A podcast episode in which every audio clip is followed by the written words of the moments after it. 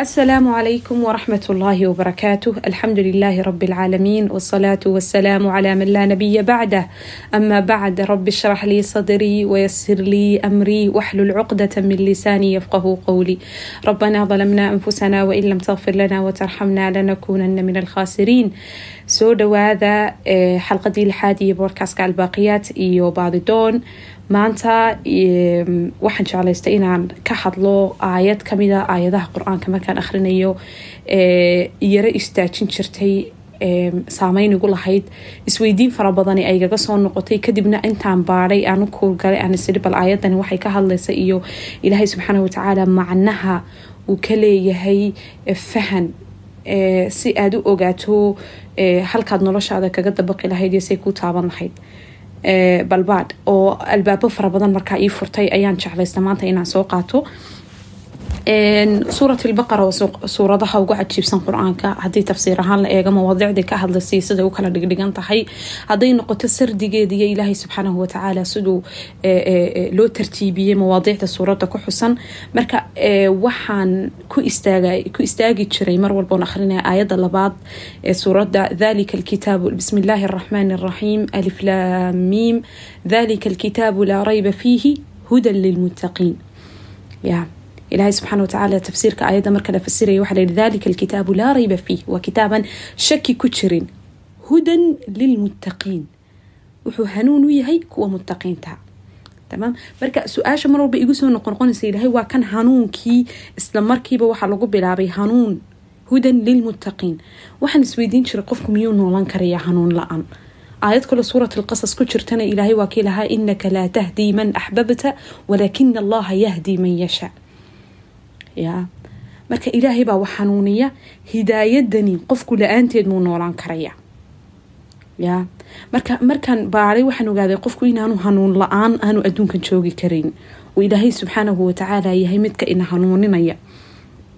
Ya.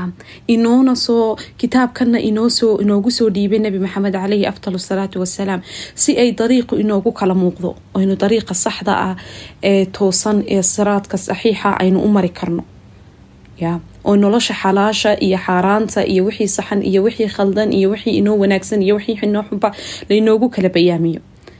Ya. Intaasoo kaliyaaba hanuun ah. Inuu ilaahay subxaana watacaala hidaayada ku siiyo. Inaad kala garanayso wixii saxan iyo wixii khaldan. Inuu ilaahay kitaab dhan kuu soo diray oo weliba laguu fududeeyey oo weliba aada akhrin karayso. Kadibna cilmigii ku soo gaadhay awoodaad u leeday inaad fahamtood meel walba luuqad kasta maanta ku baran karayso waa hidaayadii hanuun. Hanuunkaa la'aantiinu qofku adduunyadan ku lumaya. Ilaahay subxaana watacaala isagaa magacyadiisa ay ka mid tahay alhaadi allaha wax hanuuniya. Wuxuu inagu hanuuniyaa kalaamkiisa. Ya.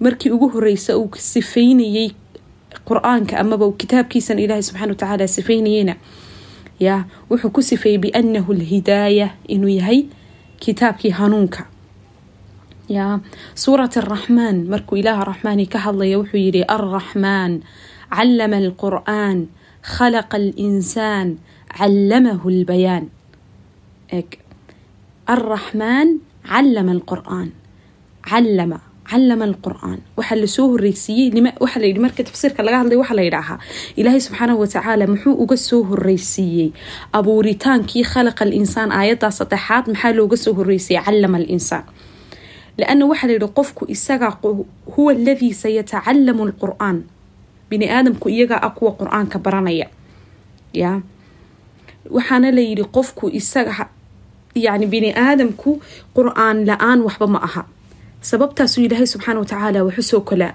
u soo kala horreysiyey barashadii qur'aanka uu abuuritaanka bini aadamka uga horreysay ya mana noolaan karayo qofku hidaaya la'aan ama hanuun la'aan yacni kitaabkani waa hanuun sababtaasu ilahay subxaan ilahay subxana watacaala cilmi lgheybkuu ogyahay soo marka saasaa loo kala horeysiya callama alqur-aan khalaqa alinsaan yacni insaanku wuu baran doonaa kitaabkan. Hadduu baran waayana wuu hanuunkiibuu ka tegaya waxba ma aha qofku. Laysa laysa bishay baa layidhi waxba ma aha qofku. Hadduu qur'aankan fahmi waayo baran waayo akhriyi waayo ku tadaburi waayo micnihiisa waxba ma aha. Marka subxaan allah xataa xataa waxaa lagu soo waxaa la soo kala horeysiiyey bini aadamka abuuritaankiisii iyo barashadii qur'aanka. Waxaa jirtay daraasad laga sameeyey dalka sacuudiga oo jaamacadaha islaamiga ayaa ku yaalla ee hadana waxaa lagu bartaa islamic psychologyga lagu bartaa waa jaamacad caano oo magaalada jidda ku taala. Ayaa waxaa la sameeyey shan sano ka hor ayaa ardaybaa waxaa lagu tijaabinayay saameynta qur'aanku qofka nafsadiisa uu ku leeyahay kadibna waxay soo qaadeen ardaybays ayay ururiyeen. Ilaa labaatan ilaa shan iyo labaatan ardaya. Waxaa la bilaabay markaa in ardaydii majmuucada loosii kala qeybqeybiyo groubis laga dhigo.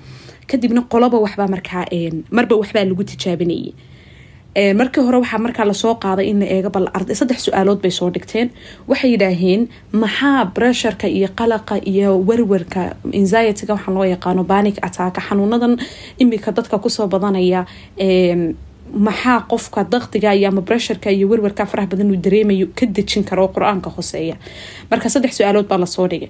Kow waxay yidhaaheen ma qur'aanka akhriskiisabaa yareeya taqliili dakdi nafsi bresharka ay naftu dareemayso mise qur'aanka oo macnihiisa la fahamsiiyabaa yareeya?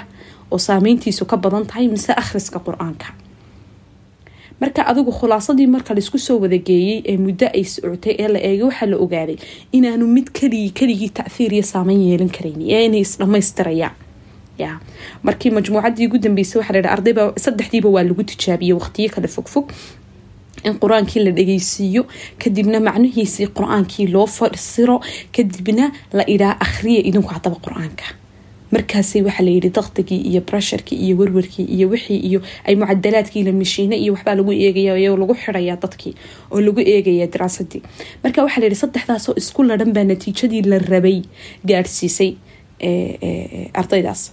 Marka waa waa waa saddex shay oo aan kala harayn inuu qofku qur'aanka akhriyo inuu fahmo macnihiisii iyo inuu dhageysto ya ilaahayna subxaana watacaala waa kii nabi maxamed ku lahaa maa anzalnaa calayka alqur'aana litashqaa shaqaagu waa inuu qofku dhibaato iyo tacab iyo hoog iyo balaayo ku sugnaado maxaa loogu soo dejiyey nabi maxamed likay yascad maxaa laynoogu soo dejiyey kitaabka sidaynu u faraxsanaano nolosheenu u wanaagsanaano ya waa laga yaabaa inay dad badan oo inaga mid ahi ayna calaaqada iyo xidhiirka qur'aanka la lahayn ya inay farxaddaa u arkaynin. Ee mar walba u qofku ka warwaraya uun bisha ramadaan sidaan qur'aanka u dhamayn lahaa sidaan u dhamayn lahaa yani warwarkan qofku safaxaadka iyo bayjadka uu akhrinayo uu tirsanayo. Dad badan oo le way jiraan. Lamana yaabayno ya? Oo waa wax la soo wada maray bay ahayd bari baa waxaan garanayaa waqtiga iigu farxadda badnayd ay ahayd. Markii igu horeysan qur'aanka dhameeyan wadanka joogay waanintii igu farxadda badnayd. Maalintan qur'aanka dhameynayay bay ahayd. Cashaan waxaan moodaya inaan ka takhalusayo inaan ka dhammaanayo. Khalaas macalinkan jabaadiisii iyo malcamada tagtii hooyo iyo gebi waxaynu soo wada marnay weyn waa stage aynu soo wada marnay.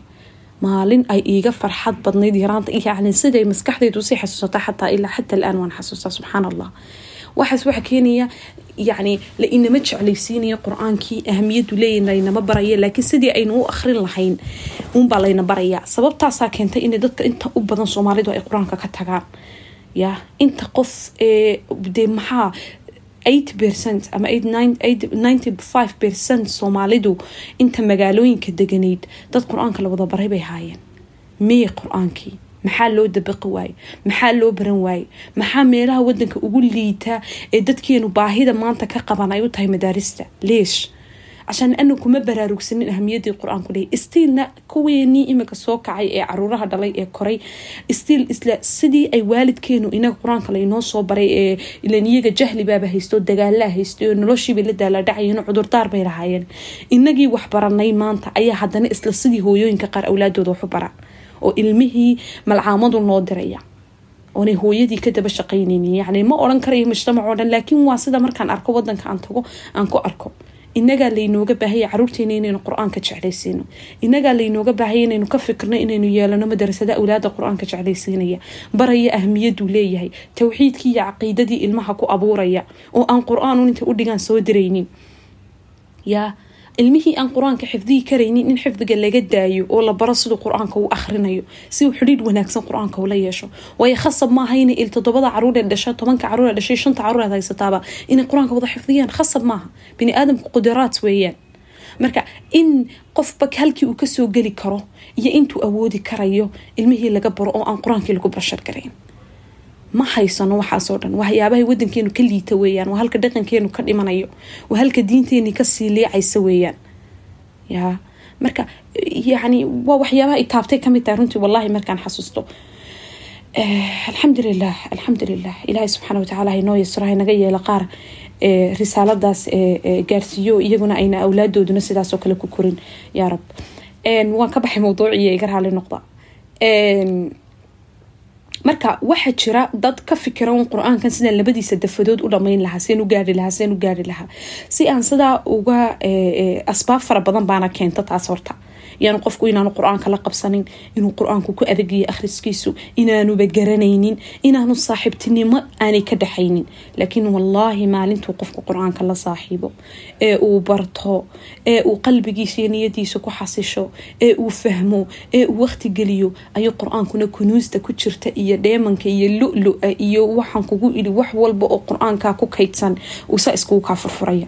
Markaasaa noloshaadu barako iyo raaxo iyo nafis ay ka bixi waayeysaa oo raaxa nafsiya yacni deganaasho iyo sakiinad aan xad lahayn baa qalbigaaga iyo niyadaada ku abuurmaya barakaad noloshaada ku arkaysaa hadday noqoto maalkaaga hadday noqoto caafimaadkaaga hadday noqoto calaaqaadka iyo xidhiidhadaad bini aadamka la leedahay intaba barakaad ku arkaysaa rasuulkuna sal allahu calayhi wasalam waa kii lahaa mathalu aladii yaqra'u alqur'aana kalutruja dacmuhaa tayibun wariixuhaa tayib utrujada waxaa la yidhaahaa waxay ahayd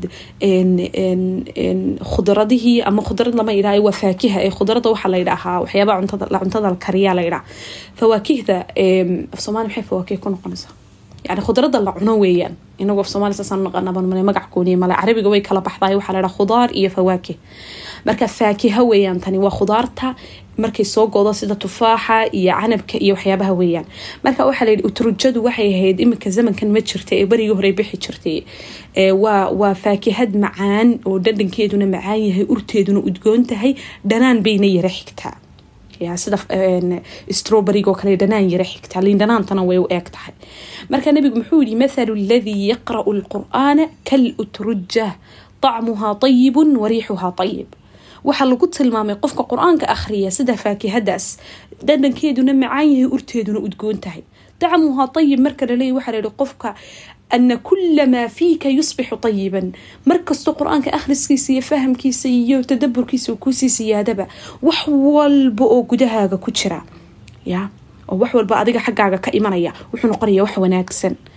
Riixuhaa ayibna waxaa laga wadaa wax walbao adiga kugu xeersan ya khayrkaa kaasoo baxaya iyo nuurkaaga iyo iftiinkaaga ayaa saameynaya ya uma damayo.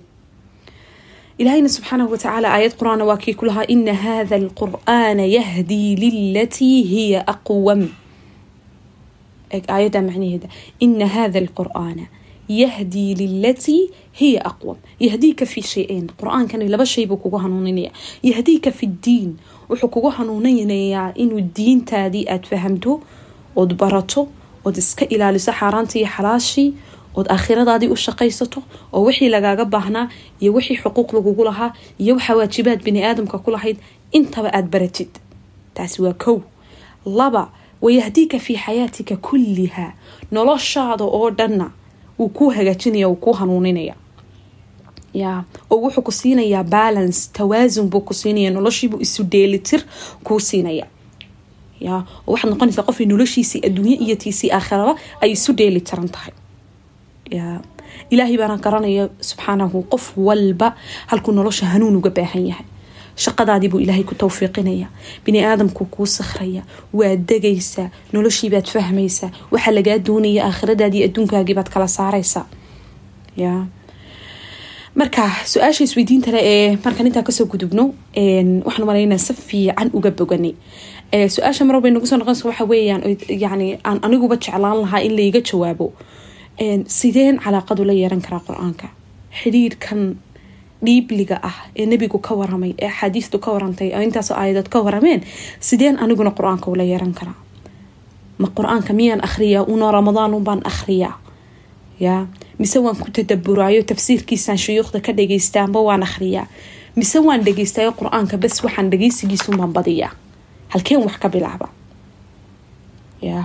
Kow qodobka koowaad waxa weeyaan. Anuu shan shay baan horta ku soo koobay. Inta khibradayda yarna dabcan siinaysa iyo intaan culimada ka badowsanayba. Qofku shayga koowaad ee horta marka ugu horeysa uu baahan yahay siduu xidhiid dhab ah ula dhiso qur'aanka waxa weeyaan waa inuu jiro waqti thaabit uu qur'aanka qofku akhristo. Waa inay maalintaada ka go-an tahay shan iyo toban daqiiqo toban daqiiqo soddon daqiiqo intay u badan tahay ilaa shan iyo afartan daqiiqo. Haddaad ka badisana waa falilaahi alxamd laakiin inagu waxaynu ka waramaynaa markaynu calaaqad la dhisayo waxaa lagu bilaabaa wax yar. Yaa inaad maalintii iska jarto shan iyo toban daqiiqo oo aad fadhiisato ood qur'aankaaga isku khasabto inaad akhrido. Akhri.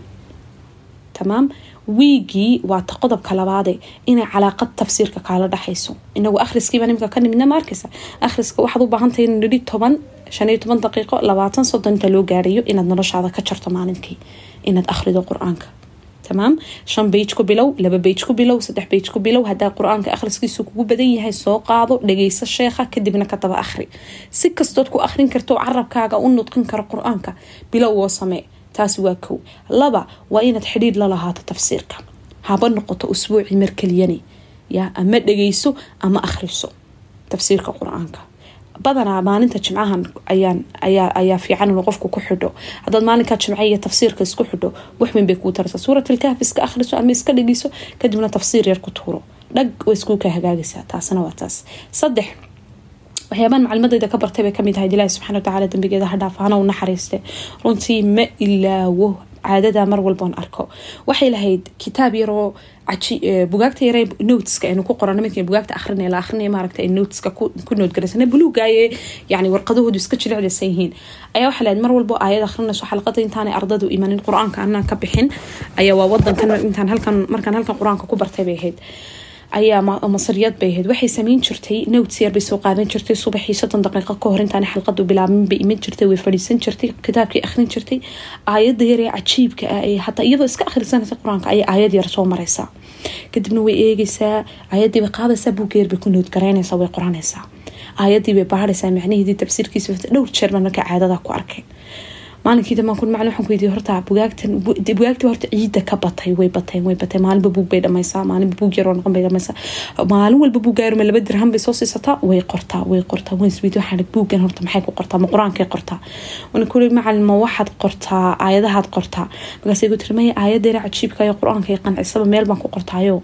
Waan raadiyaabay gu tiri macnaheeda saan u fahmo. Yaa oon iskugu dayana noloshayda ku dabiiqi karo ya waayo wax badan bay qalbigeygii niyadeyda ka tartay bay tiri. Fahamkii qur'aankana waa ii fududaysay. Waa qof intaasoo sanadood malaa dhowr iyo labaatan sanadood bay macalimad ahayd. Qur'aanka ku soo dhex jirtay tafsiirkiisa intaasoo kitaabbay dhamaysay qaraa'aadka tobanay dhamaysay yacni cilmi uma dhibna haddana stiil waxay raadinaysaa way rabtaa inay fahamto qur'aankii. Marka inaad xidhiid kaala dhexeeyo aayadaha qur'aanka suuradaha aayadaha kamida aayadaha qur'aanka aad maalinba mid aayadayra ku cajabisaba aad meel ku qorato amaba aad macnaheeda yaro baadho eegto isku dayda inaad fahamto. Taasina waxyaaba aadka qofka xidhiidhka uu qur'aanka la leeyahay ee u sii tamacunisay ka mid tahay. Qodobka afaraad waxa weeyaan qofku waxyaabaha uu baahan yahay waxaa ka mid a inuu qofku haysto wallaahi suxbadu wax weyn bay qofka noloshiisa tartaa. Inaad haysato walow atleast qof keliyana ha noqdo inaad raadsato qofka kheyrka kugu taageera. Qofaad qur'aanka isku caawisaan especially marka ugu horeysad calaaqada xidhiirka qur'aanka aad la leedahay aada dhisayso waa inaad yeelato qof ku saacida qofaad qur'aanka wada akhridaan. Qof qur'aanka kaa dhageysta adna aad ka dhageysato qofaad tafsiirka isbartaan oo isaguna inku bara adna aad in bartid maalinba in isku akhridaan. Oo dhegtaada ku akhriya adna aad ku akhrido. Waa inaad raadsatid waa laasim qofku wuxuu doondoono wuu helaa ya macaariftaada iyo macaariftaadu macaarifta sii yaqaanaanba waxaba ka dhex raadi qof aad sifadaa wadaadiga kartaan laanu wax weyn bay qofka noloshiisa ka tartaa runtii ama walaalaha ka dhex raadi kolba ciddii aad awood u leedahay inay kugu caawiyaan hadafkanaad rabto inaad gaadho qodobka shanaad waxa weeyaan calaaqada qofka qur'aanka uu leeyahay xoojin karaa waa inuu qofku leeyahy waxa layidhaha alistihdaau bilqur-aan waa maxay istihdaa istihdaa waxaa laga wadaa inuu qofku yani ku hanu ku hanuunsamo qur'aanka inuu yani isweydiiyo su'aalahan soo socda. Ilaahay muxuu iga doonayaa. Markaan aayadan akhrinay maalan aayadaha qaar markaad inta dul istaagto ilahay aayadan muxuu iga rabo. Markuu ilaahay leeyahay wajazaau sayiatin sayiatu mithluha faman cafaa wa aslaxa fa ajruhu cala allah. Ya markuu ilaahay leeyahay aayadda ilaahay muxuu iga doonayaa. Maxaa lay rabaa inaan fahmo? Ya إن الذين قالوا ربنا الله ثم استقاموا تتنزل عليهم الملائكة ألا تخافوا ولا تحزنوا وأبشروا بالجنة التي كنتم توعدون إلهي محو كهضي آيضا محا لا يقربا محا قبنيا ومحي وحا لا إيشيغيا إن تسأسكو ويدي سمكا وحا لا الاستهداء بالقرآن با لا marka in xidhiidka ay calaaqadaasna qur'aanka kaala dhaxayso aayad qur'aan ilaahi subxana watacaala waxa uu ku lahaa waaladiina yumasikuuna bilkitaabi waaqaamu asalaah inaa laa nutiicu ajra almuslixiin waa aayadaha qur'aanka iigu saameynta badan lay ka mid tahay markaan special macnaheeda fahmay ilaahay subxana watacaala halkan wuxuu yidhi waaladiina yumasikuuna bilkitaab atamasuk bilkitaab yumasikuuna kelmada shadad baa saaran xarafka siinka waa laba xaraf oo hal xaraf laga wada dhigay waxaa la yidhi laba labaa looga jeedaa kalimata yumasikuuna lahaa jaanibeyn sharaxeeda laba macnay leedahay ta koobaad waxa weeyaan an tumsika kitaab allahi liannaka taxtaajahu fi xayaatik kow inaad kitaabka ilaahay gacantaada ku qabsato lianu adigaa u baahan oo noloshaadaa u baahan oo naftaadaa u baahan si aad mumin iyo iyo iyo adoon wanaagsan aada u noqoto waa inaad adigu kitaabkan ku dhegsanaataa waa ta koobaad an tumsika an tumasika annaasa bikitaab illah iyo inaad dadka an tuciina yani inaad dadka ku caawiso ina ilaahay subxaana watacaala kitaabkiisa iyo kalaamkiisa ay jeclaadaan ya oy qabsadaan oy ku fara adaygaan oy fahmaan muxuu ilaahay aayadda markaa ku soo gabagabeeyey inaha laa nudiicu ajra almuslixiin ya ma dayacayno ajarka kuwa muslixiinta ee wanaagsan. Yani islaaxu waxa weeyaanba islaaxoo dhanba wuxuu ku soo ururayaa an tuslixa annaasa bikitaab illah inaad dadka ku islaaxiso oo aada barto ood ku caawiso inay ilaahay subxana watacaala kalaamkiisa ay fahmaan. Waana intaan rabay ina boodkaaskan aan aan ka gaarniyo hadafkaan rabay inaan aan u aasaasay ahayd. Ilaahayna subxaana watacaala waxaan ka rajaynayaa inuu camal maqbuula oo quluubtiinana gaadha. Ilaahayna maalinkan hor istaago ii noqdo xujo inuu ilaahay iga yeelo. Ya dhammaantiin aad baad umahadsantihin jazaakum allahu khayra allahuma ajcal alqur'aana alcadiima rabiica quluubina wanuura suduurina wajalaa'a axzaanina wadahaaba humuumina wahumuumina wasaa'iqana wadaliilana ilayka yaa rab alcaalamiina yaa allah aad baad umahadsantihiin sida qiimaha leh ee dii dhagaysateen jazaakum allahu khayran waxsan allahu ilaykum. Farxadoo dhani qur'aanka ilaahay buu ku jiraa. Khayroo dhani kitaabka ilaahay buu agtiisa yaalaa aynu ku dadaalno fahamkiisa iyo barashadiisa iyo akhriskiisaba. Intaasaan xalqada maanta ee baadidoon aan ku soo koobayay hanuunkaan rabay inaan ka hadlo. Waydinkaa insha allah khayr baynu iska ognahay. Ilaahay raaliha idinka noqdo. Hana idiin dembi dhaafo hana idiin naxariisto aad baan idin salaamay insha allah jazaakum allahu khayran wasalaamu calaykum waraxmat ullaahi wabarakaatuh